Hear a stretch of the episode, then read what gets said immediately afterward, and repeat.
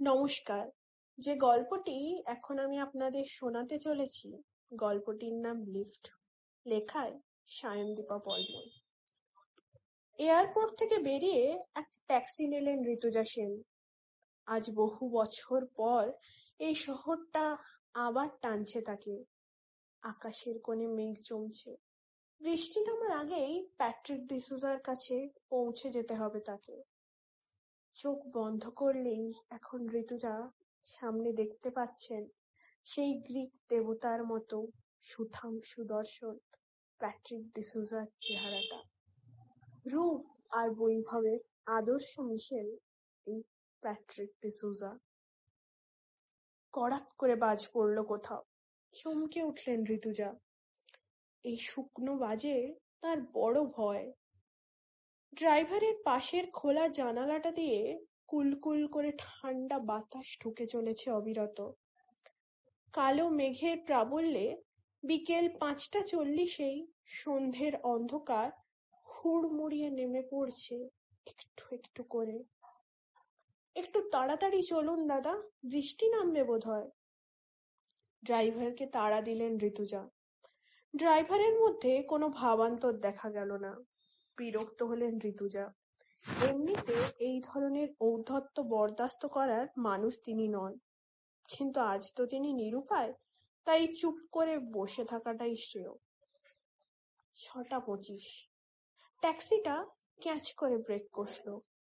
কি হলো? পৌঁছে গেছি, ম্যাডাম। ও, এমন অন্ধকার যে কিচ্ছু দেখা যাচ্ছে না। বৃষ্টিটা এখনও নামেনি, ভাগ্যিস। এবারেও ঋতুজার কথার কোনো উত্তর দিল না ড্রাইভার। বিরক্ত ঋতুজা টাকাটা বাড়িয়ে রাস্তার অপর প্রান্তে দাঁড়িয়ে থাকা বিল্ডিংটার দিকে তাকিয়েই চমকে উঠলেন। এ আমাকে কোথায় আনলে তুমি? যেখানে আনতে বলেছিলে ভাবলেশীন গলায় উত্তর দিল ড্রাইভার। শাট আপ ইয়ার কি হচ্ছে আমার সাথে? আমি ডিসুজা অ্যান্ড ডিসুজা কোম্পানির অফিসে আনতে বলেছিলাম। ঋতুজার ঔদ্ধত্য গলা হ্যাঁ তো সেখানেই তো এনেছি। কিন্তু এখানে এখানে তো তিনতলায় খান ট্যুরস অ্যান্ড ট্রাভেলস এর অফিস। ঋতুজা কথাটা শেষ করার আগেই ড্রাইভার বলে উঠল, ওসব খান টান জানি না, ম্যাডাম। বিগত সাত বছর ধরে পুরো বিল্ডিংটাই ডিসুজাদের অফিস। সাত বছর? ঋতুজা আর কিছু বলার আগেই কালো হয়ে আসা প্রকৃতির মাঝে হুস করে একরাশ কালো ধোঁয়া ছেড়ে উধাও হলো ট্যাক্সিটা। সামনে অন্ধকারে চাদর মুড়ি দেওয়া বিল্ডিংটাকে দেখে অস্বস্তি বেড়ে গেল ঋতুজার রাস্তা পেরিয়ে ওটার কাছে যাবেন কিনা ইতস্তত করতে লাগলেন তিনি। আর তখনই তার উন্মুক্ত ফর্সা বাহুতে এক ফোঁটা জল এসে পড়ল। উপরে তাকালেন ঋতুজা। বৃষ্টি নামতে শুরু করেছে। আর উপায় নেই।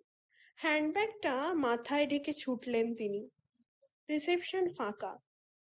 তবে কিছুক্ষণ আগেও যে এখানে কেউ ছিল, তা স্পষ্ট বোঝা যায়।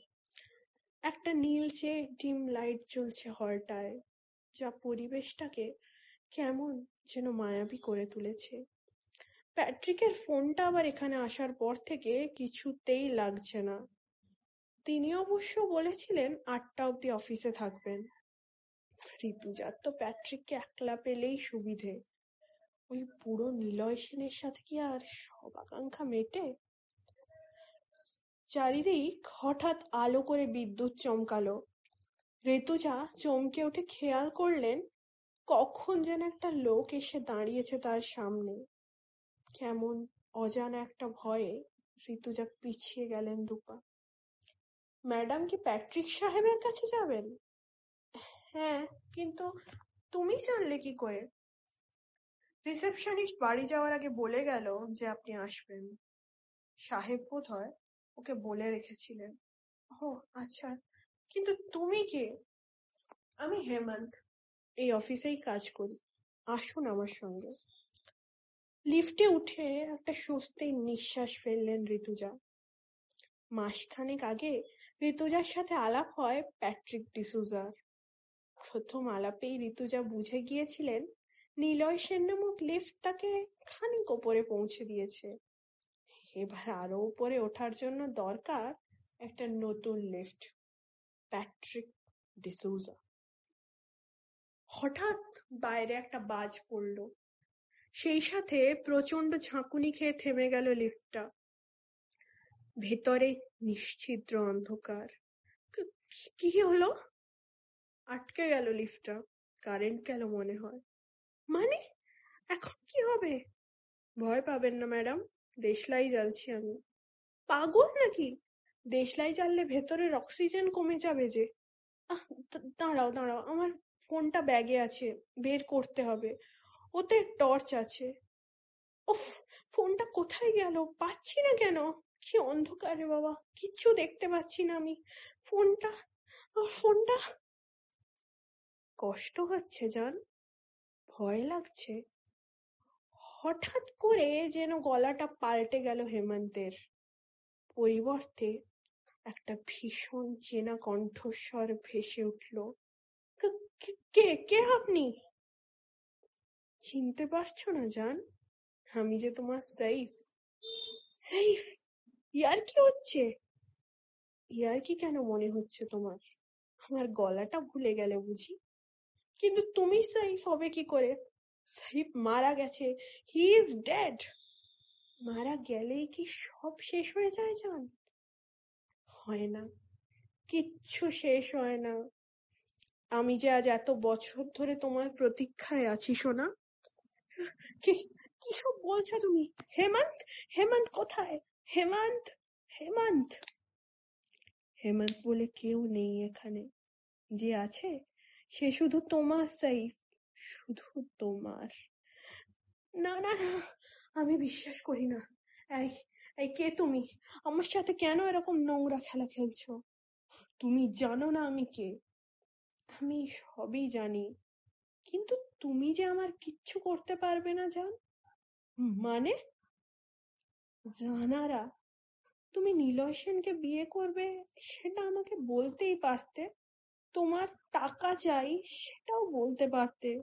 কিন্তু তা বলে আমায় মেরে ফেললে কেন? আমার অনাথ বোনটার কথাও একবারও ভাবলে না। কি কি বলছেন কি আপনি? আমার বোনটা তো তোমাকে ভাবি বলতে অজ্ঞান ছিল। তার প্রতিও একটু মায়া হলো না তোমার? Saif Saif I'm sorry please আমাকে মেরো না। তোমায় আমি কি করে মারবো জান? আমি যে তোমাকে খুব ভালোবাসি। তোমার হাতেই তো নিজের জানটাও দিয়ে দিলাম। সাইফ সাইফ লিসন সাইফ প্লিজ আমাকে এখান থেকে বের করো। সাইফ আমার খুব কষ্ট হচ্ছে। এই অন্ধকারে আমার খুব কষ্ট হচ্ছে। আমার কষ্ট তো আমারও হয়েছিল জান। যখন একটু একটু করে তোমার দেওয়া বিষটা আমার শরীরে মিশেছিল।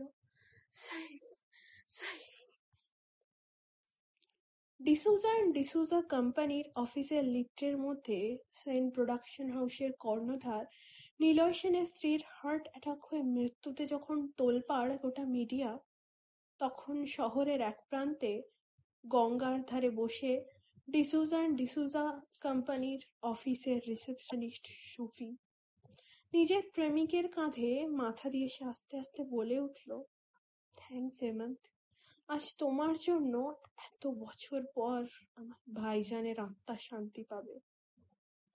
থ্যাংকস বলো না সুফি, আমি কিছুই করিনি। যা করার সব ঈশ্বর করেছেন।